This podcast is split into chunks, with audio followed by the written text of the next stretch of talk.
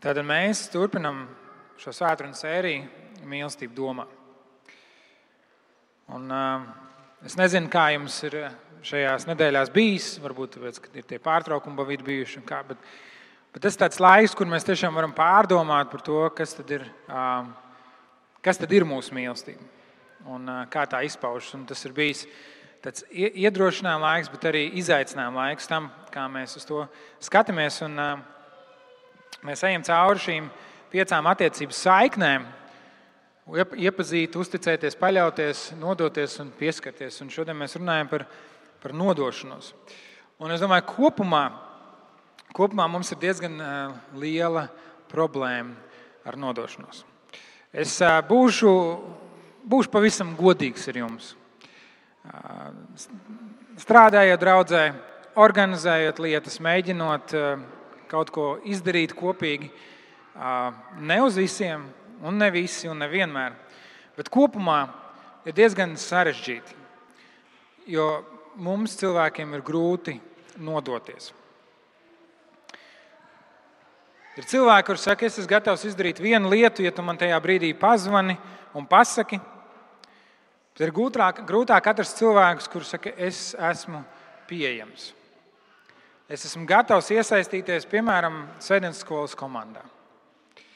Un būt regulāri kopā strādāt, kopā domāt, būt klātsoši ne jau uz visu mūžu, bet uz kādu noteiktu laiku. Un tāpat ir ar daudzām citām lietām, draudzes kalpošanās, un tāpat ir arī ar dažādiem pasākumiem. Organizējot eh, pasākumus un runājot ar cilvēkiem, cilvēki saka, jā, tas izklausās labi, tas būtu forši. Un tomēr cilvēki atliek pieteikšanos uz pašu pēdējo brīdi. Mēs varam teikt, ka nu, cilvēki vienkārši ir tādi aizmāršīgi. Viņi iziet ārā no dievkalpojuma pēc ziņojumiem, varbūt jau pat dievkalpojuma beigās viņi visu, beigās viņi visu ir aizmirsuši. Un tomēr bieži vien ir tā, ka dziļi zemapziņā mēs gribam atstāt sev to kalendāru brīvu ar domu, ja nu kaut kas labāks parādīsies. Tā ir laba ideja, bet, bet ja, nu, ja nu kaut kas labāks parādīsies, mums ir grūti nodoties, mums ir grūti tagad pateikt, jā, es tad pēc mēneša, pēc diviem, es tur būšu. Varbūt tas esmu tikai es. Jūs teiksiet, nē, tā nav. Es viegli nododos un viegli pierakstos uz lietām. Manā pieredzē tas tā gluži nav. Nodošanās. Vārnīcā nodošanās ir definēta kā sevis veltīšana, pat ziedošana vai apsolīšana kādam vai kaut kam. Tad tu vari nodoties kādam, kādam cilvēkam, kādai personai, un tu vari nodoties kādam mērķim, kādai idejai. Un, un, protams, viens no tādiem teikšu, ekstrēmākajiem nodošanās piemēriem ir, kad līgavains un līgava kāds dienā dodas solījumu nodoties. Nodošanās starp vīru un sievu ir nodošanās pilnīgi visā. Līdzīgi kā mūsu nodošanās Dievam. Un tāpēc Bībele bieži salīdzina mūsu nodošanos Dievam ar nodošanos starp vīru un sievu. Un kad mēs novēršamies no Dieva, mūs salīdzina ar dzīves biedru, kurš kļūst neusticīgs. Viens piemērs Jeremijas vēstīja Izrēlam, Jeremijas grāmatas 3. nodaļas 20. pantā, kur viņš raksta, ka sieva ir neusticīga savam draugam. Tā arī jūs man esat bijuši neusticīgi Izraēla nams, saka tas kungs. Vecajā derībā Dievs kādam pravietim lika iet un aprecēt prostitūtu, kura nebija uzticīga šim pravietim. Un Dievs teica, redzi, tā es jūtos tad, kad jūs no manis novēršaties.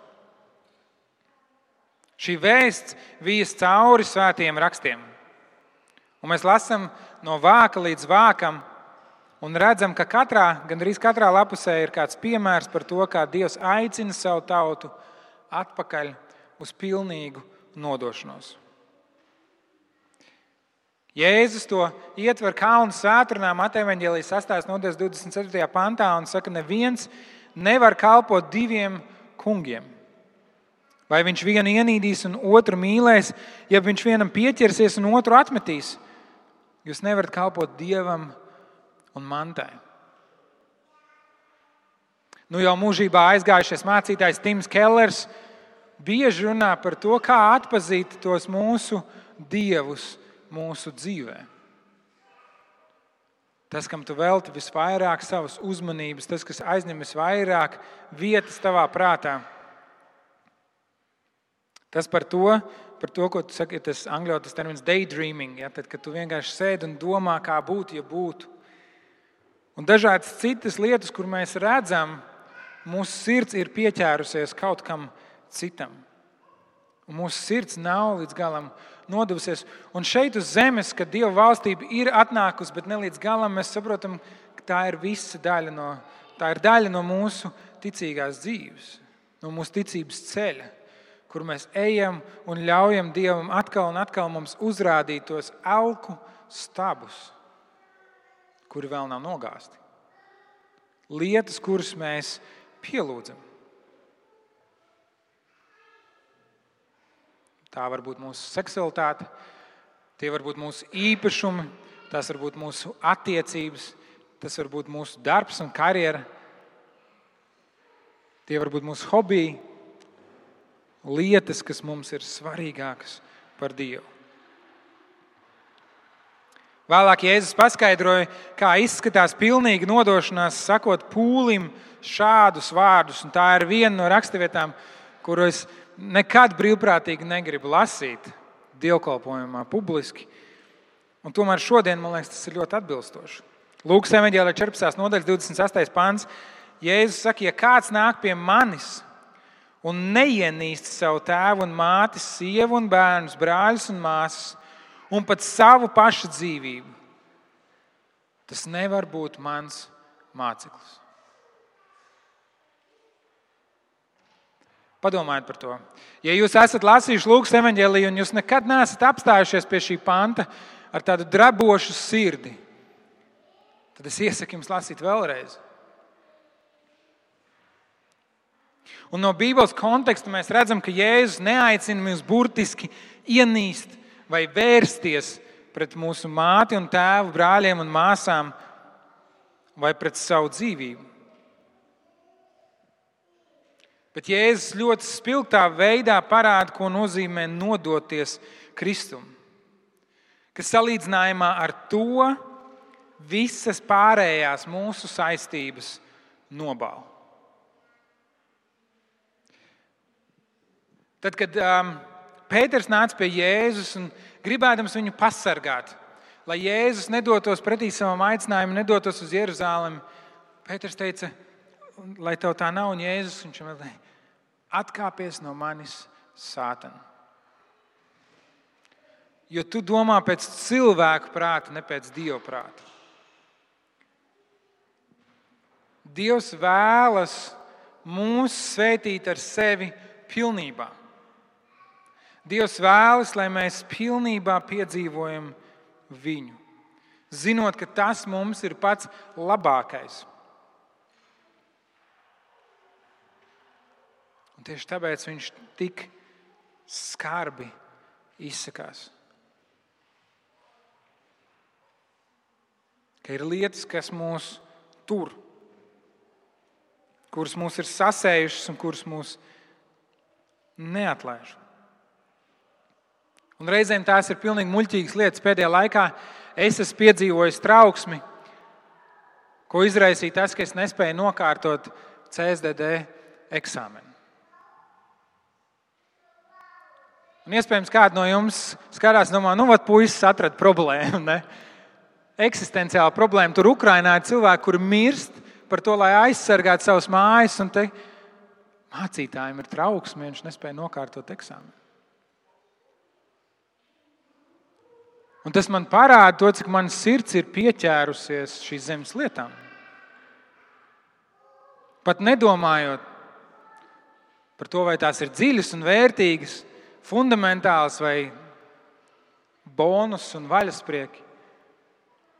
Mana sirds ir pieķērusies zemes lietām, un šīs zemes lietas man ir aizķērušas tik ļoti, ka tās neļauj man baudīt to, ko dabas tēvs man vēlas dot. Jēzus vēlas, lai mēs esam nodevušies. Jo viņš zina, ka tas mums nāk par labu. Un pastāv dažādi līmeņi nodošanās, sākot no nelielas iesaistīšanās, neliela ieguldījuma līdz mērenam un ļoti augstam līmenim. Un apstults Pāvils rakstot ticīgiem Korintā, apsprieda neprecēšanās un laulības tēmu. Un Pāvils vēlējās, lai tie, kuri ir neprecēti, zinātu, ka var droši precēties. Tomēr viņš vēlējās, lai viņiem būtu reāls skatījums uz to, kāda ir dzīve neprecētam cilvēkam salīdzinot ar laulību. Pats Pāvils bija neprecējies, un daži uzskata, ka viņš bija vispār nebija precējies. Vēl kāda Bībeles pētnieka uzskata, ka viņš bija atraitnis. Bet viņš zināja, ka laulības dzīve vairo jūsu saistības pret dzīves biedru, pret bērniem, pret jūsu saimniecību. Bet Pāvils, kā neprecēts vīrs, bija brīvs no šīm papildus saistībām un varēja vairāk laika un enerģijas ieguldīt attiecībās ar Dievu un viņa aicinājumā, viņa kalpošanā. Pirmajā vēstulē korintiešiem 7. nodaļā viņš raksta, bet es gribu, ka jūs būtu bez zudīšanās.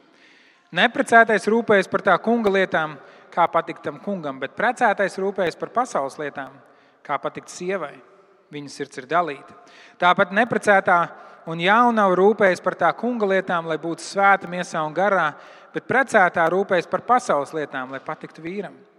To es saku jums pašiem par labu, ne it kā gribēdams jums apmest cilpu, bet ka jūs godīgi dzīvojat un pie tā kunga turaties bez mitēšanās. Un te ir tāda atkāpe tiem no jums, kas neesat precējušies un izvēlaties neiesaistīties romantiskās attiecībās un nedoties laulībā. Tas nav trūkums, tā ir svētība. Tā ir Dieva dota svētība, lai jūs vairāk varētu nodoties viņa aicinājumam, attiecībām ar Dievu un kalpošanai. Palikt neprecētam ir tikpat laba izvēle kā laulāties. Un jums nevajadzētu justies mazāk vērtīgam. Pāvils rakstīja korintiešiem, bet es gribētu, lai visi cilvēki būtu kā es. Tomēr tur katram ir sava dieva dota dāvana, vienam tāda, otram citāda. Tā ir dāvana no Dieva. Bet precēti vai neprecēti, mēs visi esam paredzēti attiecībām. Un, diemžēl šajā sociālo mēdīju pasaulē daudzi no mums esam aizmirsuši, kā veidot patiesu draudzību.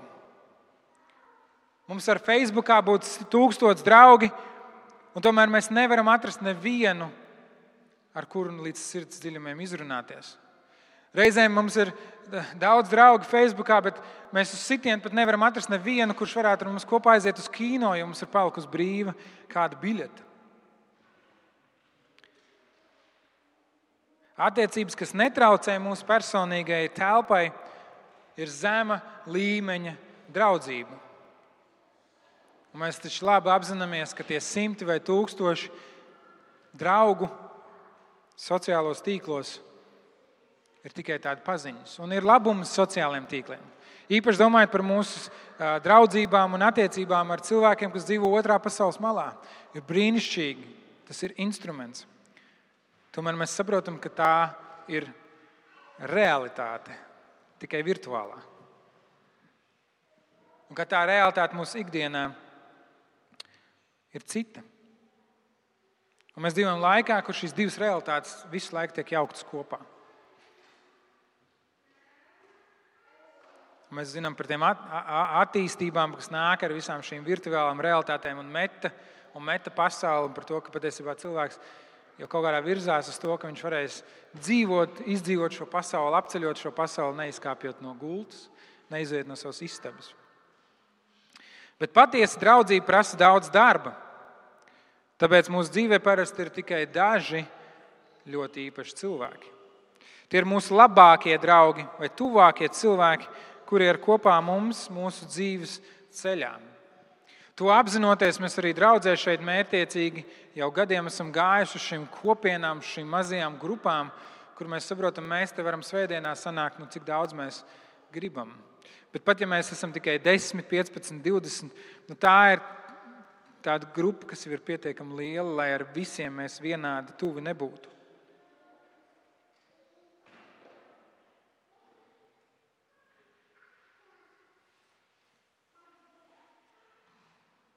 Attiecību uzturēšana prasa rūpes. Un Rauls Valdo Emersons reiz teica, vienīgais veids, kā iegūt draugu, ir būt par draugu. Vienīgais veids, kā tu vari piedzīvot, ka tev apkārt ir cilvēki, kuri ir nodevušies tavai dzīvei, ir tad, ja tu esi gatavs nodoties. Mūsdienās mēs par to vairs nerunājam, bet īstiem draugiem, pat tad, ja tur nav bijis kāds asins solījums vai, vai pinky promise, ja, kā saka, mazā pirkstiņa solījums, tad, ja mēs domājam par draudzību, tur ir šādi nerakstīti likumi par to, ko mēs sagaidām no saviem draugiem un ko mūsu draugi sagaida no mums. Mums ir pienākumi pret mūsu attiecībām. Kāds ASV veikts pētījums par pusauģiem atklāja to, cik viņiem patiešām ir labu draugu, kuriem viņi var uzticēties. Un pirms vairākiem gadu desmitiem šis skaitlis bija trīs.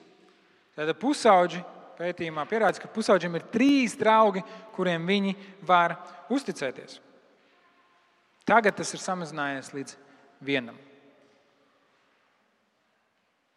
Mums ir tik daudz instrumentu, kas it kā mūs vieno, un tomēr patiesa tuvība ir arvien retāka. Un ir liela daļa pusauģu, kuri apgalvo, ka viņiem nav neviena, kas būtu pietiekami tuvi pie kā vērsties, kad ir kāda krīze vai nepieciešamība. Nav neviena. Un katram no mums dzīvē ir vajadzīgs kāds draugs. Un labi, ja šis draugs ir kāds, kurš pazīst mūsu dabas tēvu, kāds, kurš mums īstajā brīdī var norādīt un teikt, Klau, tas, ko tu piedzīvo šeit, tā ir viena lieta, bet atceries, tev ir dabas tēvs, kurš par tevi rūpējās, kurš tevi mīl. Redziet, Dievs nekad nav paredzējis, ka mēs būsim pašpietiekami. Dievs patiesībā ir veidojis un radījis šo pasauli, lai tā būtu savstarpēji atkarīga. Padomājiet par to, mēs ticam trīsvienīgam Dievam, Tēvam, Dēlam un Svētajam Garam. Dievs pats par sevi jau ir attiecības.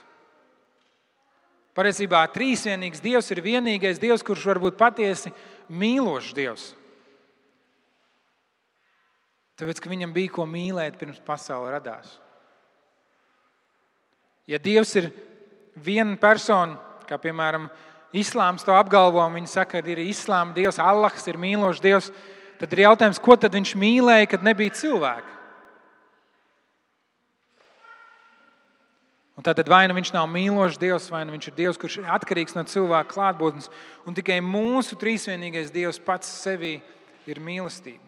Pats sevī ir attiecības, pats sevī ir miedarbība un tas, ko mēs, draudzē, esam aicināti izdzīvot, ir šī dieva realitāte.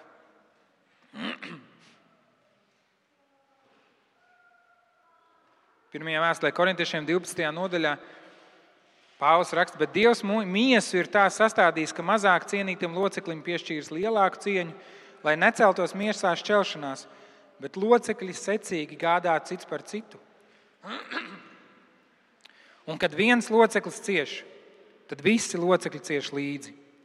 Vai kad viens loceklis top godāts, tad visi locekļi priecājas līdzi, bet jūs esat Kristus miesa. Un katrs par sevi ir locekļi.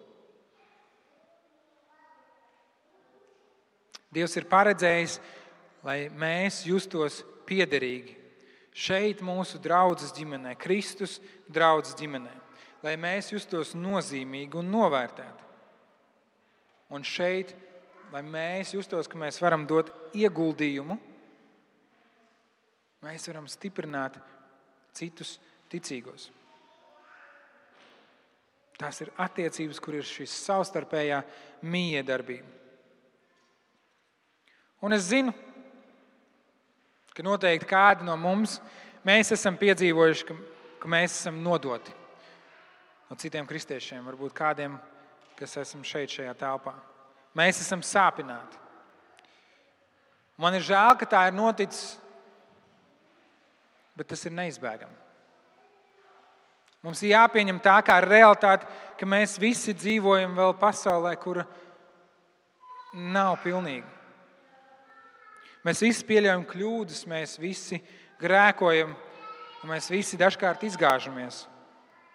Tāpēc nav, tas ir neveselīgi uzstādīt saviem draugiem nereālus standartus, kurus mēs paši nemaz nevarētu izpildīt. Un daļa no šīs nodošanās ir mīlēt cilvēkus, neskatoties uz viņu kļūdām, un būt gataviem piedot, un meklēt Dieva spēku un palīdzību izlīgšanā, ja tiek nodarīts pāri.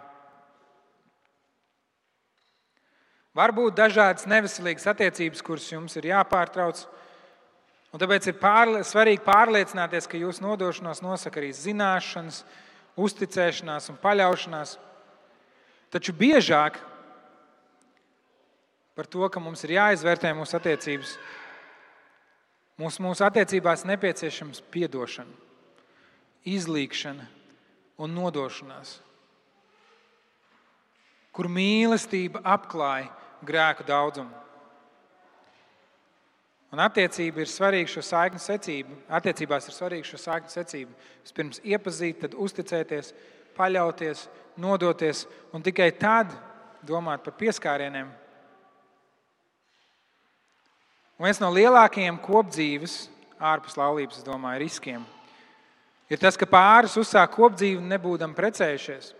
Un viņi mēģina pārvietot četras no saiknēm uz augstāku līmeni, vienlaikus nu, saglabājot nodošanos tādā nenoteiktā līmenī. Tad es gribu tev uzticēties, es gribu tevi pazīt, es gribu paļauties uz tevi, un es gribu ar tevi pārgulēt un pieskarties bez ierobežojumiem, bet es īsti nezinu, kur ir tas nodošanās līmenis. Nu, tu kā saki, ka tu mani mīli, bet it kā līdz galam tas nav pateikts. Tas jā, nav bijis.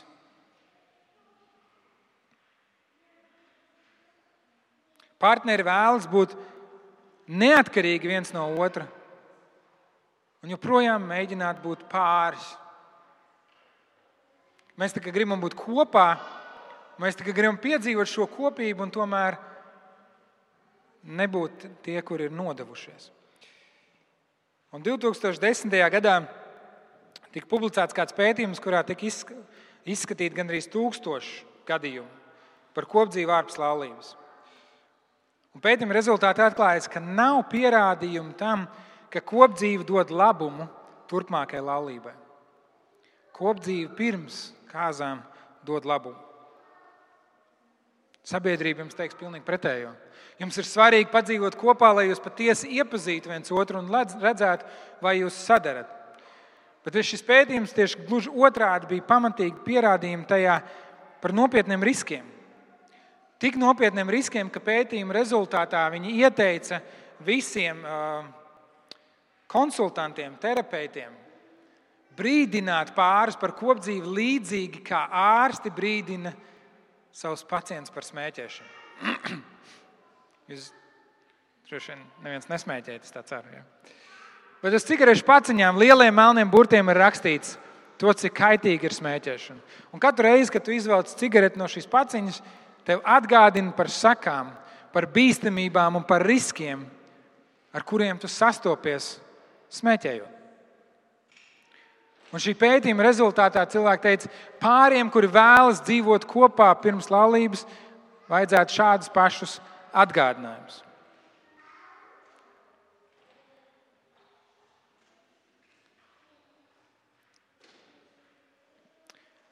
Dieva vārds ir patiesa.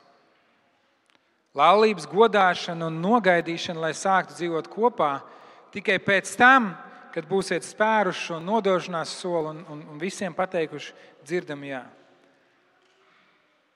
Un pētījumos apstiprināts, ka tas nodrošina labāku pamatu ilgstošām un mīlošām attiecībām. Tas nenozīmē, ka, tas, ka Dievam nav citu variantu. Ja jūs esat šo soli pārkāpuši, Dievs ir Dievs, kurš atjauno. Dievs ir Dievs, kurš no nekā uztaisīs kaut ko skaistu. Un Dievs svētī tos, kuri viņu meklē. Un kādiem no mums ir pagātnes kļūdas, kuras mēs nevaram izdzēst, kuras mēs nevaram aizmirst, kuras mēs nevaram doties atpakaļ un izlabot. Dievs ir Dievs, kurš saka, Kristu Jēzu, jūs esat jauns radījums. Un tomēr tas nemaina to, ka šim brīdinājumam būtu jābūt. Un to, ka Dievs ir paredzējis seksuālas attiecības tikai laulībā. Jo pēc Dieva ieceres laulības ceremonija ir publiska nodošanās. Tā ir publiska solījuma svinēšana, tā ir derība, kur jūs noslēdzat ar savu partneri un ar Dievu. Tā ir jūsu nodošanās zīmogs. Un šodienas tendence ir mēģināt mīlēt bez nodošanās, nodarboties ar seksu bez saistībām un veidot attiecības bez gredzeniem. Un cilvēki baidās no tā, ka nodošanās sarežģīs dzīvi. Līdzīgi kā cilvēki baidās ielikt kalendārā kādu notikumu pārāk tālu uz priekšu, jo, ja pienāks brīdis, kad man vajadzēs atbildēt par savu solījumu, un varbūt būs bijis kaut kas labāks, man būs jāsaka nē. Bailes tikt ievilinātam slazdā. Varbūt ir kas labāks, varbūt es zaudēšu savu neatkarību, varbūt es piekritīšu kaut kam, kas patiesībā man ierobežos. Bailes no drāmas, attiecības ir pārāk smagas, pārāk prasīgas, tajā jāiegūt laiks, Es labāk gribu tā, ka es aizeju uz bāriņu vai vēl kaut kur patusēju, un nākamajā rītā pasaku tā uz redzēšanos, un es atkal esmu brīvs kā putns debesīs. Bailes tikt ievainotam. Mēs katrs esam ievainoti, atraidīti, piekrāpti. Un, un ir iespējams mūsu pagātnē kas tāds, kas dod mums pamatu šīm bailēm. Bailes no neveiksmes. Jā, es izlaidu tur vienu. Bailes, ka mans partneris nemainīsies vai mainīsies. Kā parasti ir? Vīrietis cer, ka sievietes laulībā nemainīsies, un sievietes cer, ka vīrieši mainīsies. Bet neviens, no tā nenotiek. Ja? Sievietes paliek tādas pašas. Nē, vīrieši paliek tādi paši, un sievietes mainās. Ja? Bailes tikt ievainotam un bailes no neveiksmes. Galu galā, kā es varu būt pārliecināts, ka mana laulība izdosies? Ir tik daudz izšķirtu laulību, mani vecāki ir šķīrušies. Man ģimenē, paplašinātajā ģimenē, ir vairākas šķiršanās. Arī kristieši šķiras. Galu galā, ja es neprecos, tad es arī nevaru izšķirties. Nu, vismaz es neiekļūstu tajā statistikā, kur saka, laulība ir šķirta. Un tad es varu teikt, man taču bija taisnība. Es zināju, ka tas neizdosies, tāpēc es arī neprecējos. Bet Dieva vārds mums saka, ka nodošanās ir laba. Nodošanās rada stabilitāti, drošību, lojalitāti izturību un patiesu mīlestību. Nodošanās līdzsvaro koncentrēšanos uz sevi un uz savām vajadzībām, uz savām bailēm, uz saviem putniem un koncentrēšanos uz otru cilvēku, uz citiem. Un ko es varu dot un kā es varu pieaugt, dodot. Gal galā nodošanās liek praktizēt mums ticību. Un par ticību mums bieži vien ir tāds muļķīgs priekšstats par to, varbūt ne gluži muļķīgs, jo Bībelē tā saka, ka nu, ticība ir stipra pārliecība. Bet mēs mūsdienās domājam, ka, stipri, eh, ka ticība ir fakts. Tam, kuram ir ticība, tas visu zina. Viņš ir drošs, viņš nekļūdās. Bet spilgtākais piemērs ticībai, manuprāt, Bībelē ir atrodams notikumā, kur Jēzus aicināja Pēteru staigāt pa ūdeni. Kur mūsu prāts saka, tas ir ūdens. Vienīgais veids, kā es varu staigāt pa ūdeni, ir ziemā, kad viņš ir sasalis. Tas ir ūdens, tā ir šķidra viela, kurai es uzkāpju un izkāpju cauri, ja tā var teikt. Un tomēr Dievs saka, kāp un staigā.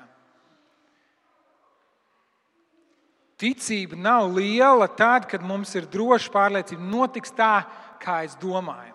Ka mums ir tās garantijas, ka viss būs kārtībā.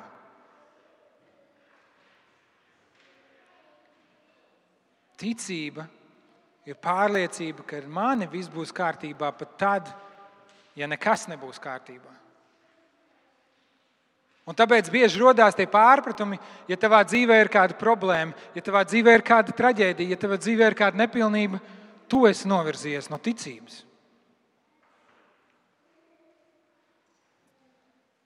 Bet patiesībā ticība ir tad, kad mēs ejam cauri šiem tumšiem laikiem un sakam, Dievs, es tev uzticos. Es uzticos, ka tu esi lielāks par manām problēmām, es uzticos, ka tu esi lielāks par to, ko es redzu. Tu esi uztic, es uzticos, ka tu esi labs, un tāpēc es tev nododos. Reizēm mēs jaucam savu ticību ar to, ka mēs ticam lietām un to, ka mēs ticam Dievam.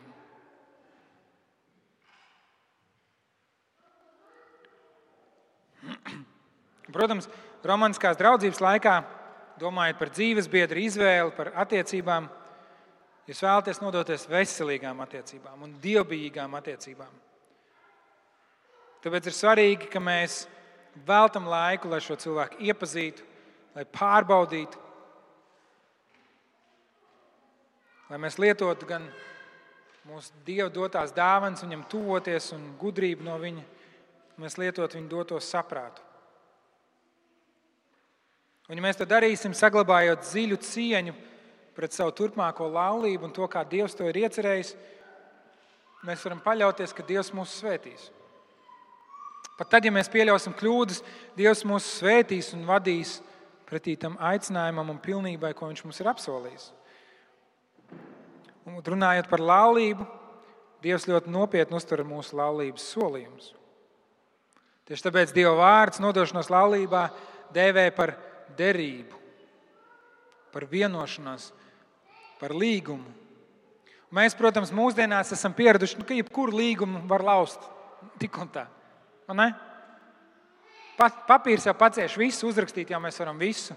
Arī mūsu valdība var rakstīt dažādas deklarācijas un dot dažādas solījumus. Arī līgumus mēs varam parakstīt, ne jebkādus, bet, ja nāk kāds izdevīgāks piedāvājums, ja viņš ir pietiekami izdevīgs, mēs varam veco līgumu laust jo mēs zinām, ka mēs to varam atļauties. Bet derība ir kas vairāk kā tas, ko mēs saprotam ar līgumu.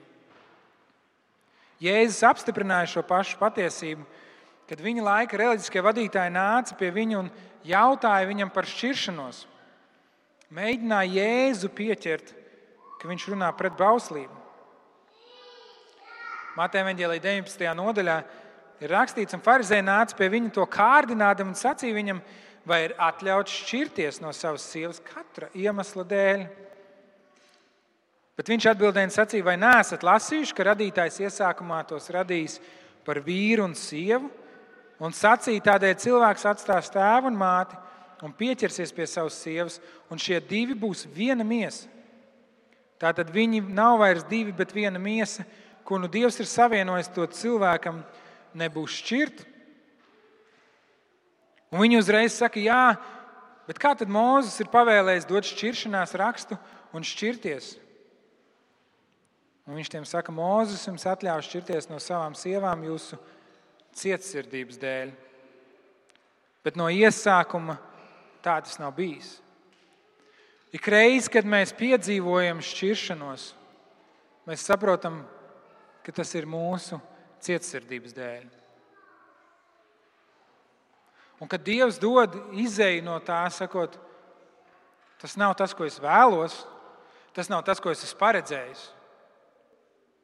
Bet es negribu, ka jūs nodarat viens otram pāri. Dievs ir laulāto sabiedrotais, un apusēji doties solījumi nav atdalāmi no tiem solījumiem, ko mēs dodam Dievam.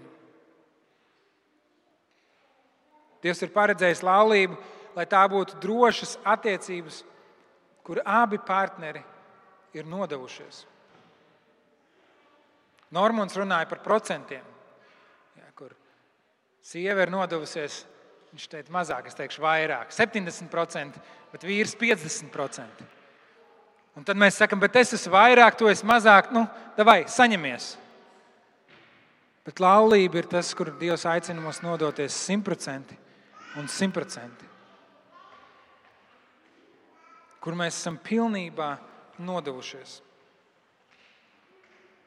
Savstarpēji dievbijīga nodošanās rada stabilitāti un drošību un dziļu piedarības sajūtu.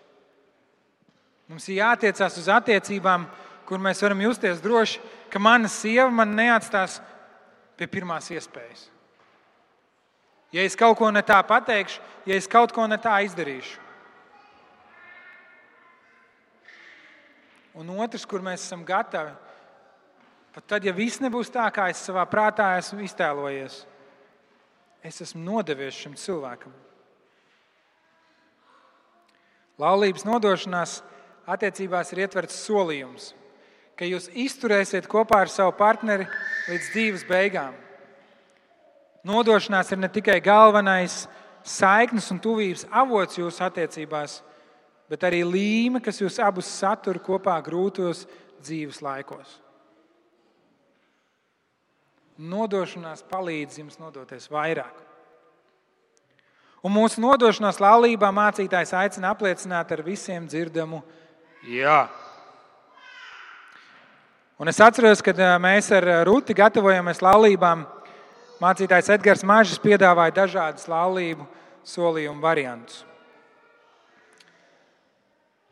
Un Rutei patika variants, kad laulātie apņemas un atbild ar jā, ar Dieva palīdzību.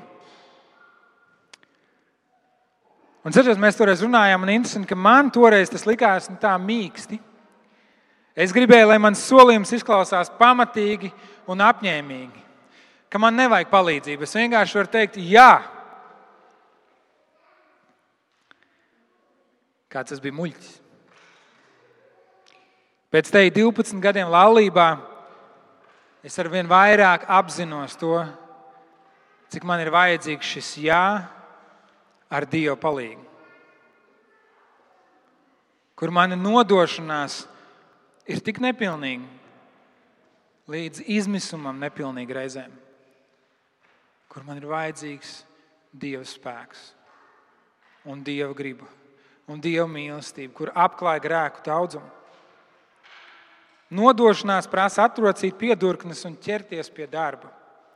Tas prasa pūles. Un nodošanās prasa ticību. Vai kāds no jums kādreiz esat izpildījis šo ticības kritienu? Ka kāds ir?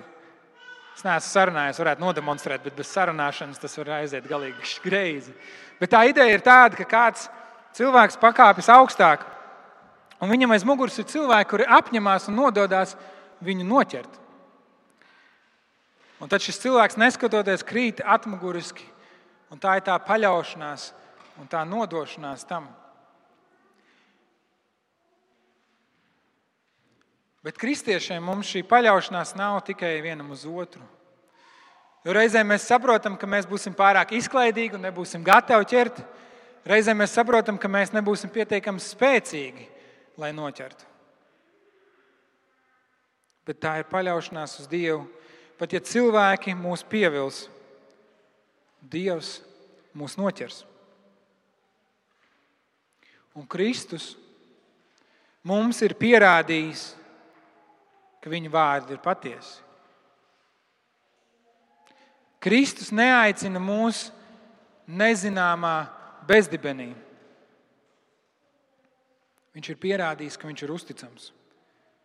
Uzticams līdz nāvei līdz pat krusta nāvei. Un iespējams, daudz no jums esat dzirdējuši Jāņa evanģēlīja 3. nodaļas 16. pantu. Ne? Kāds var nocitēt?